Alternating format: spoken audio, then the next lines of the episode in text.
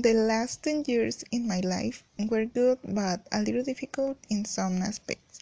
I think they were good because some situations changed my attitude life. For example, I grew up in Acapulco and I used to spend my free time with my family.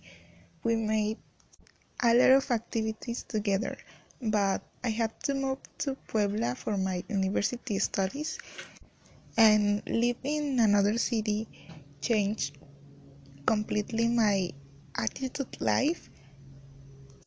At the beginning was a little difficult, had lived alone.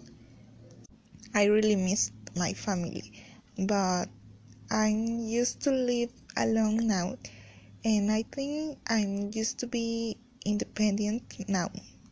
Also, I knew some friends. I used to be a little shy, but I'm getting used to be more friendly.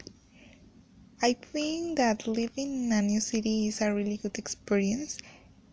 You can try another type of food, know friends, and grow up as a person.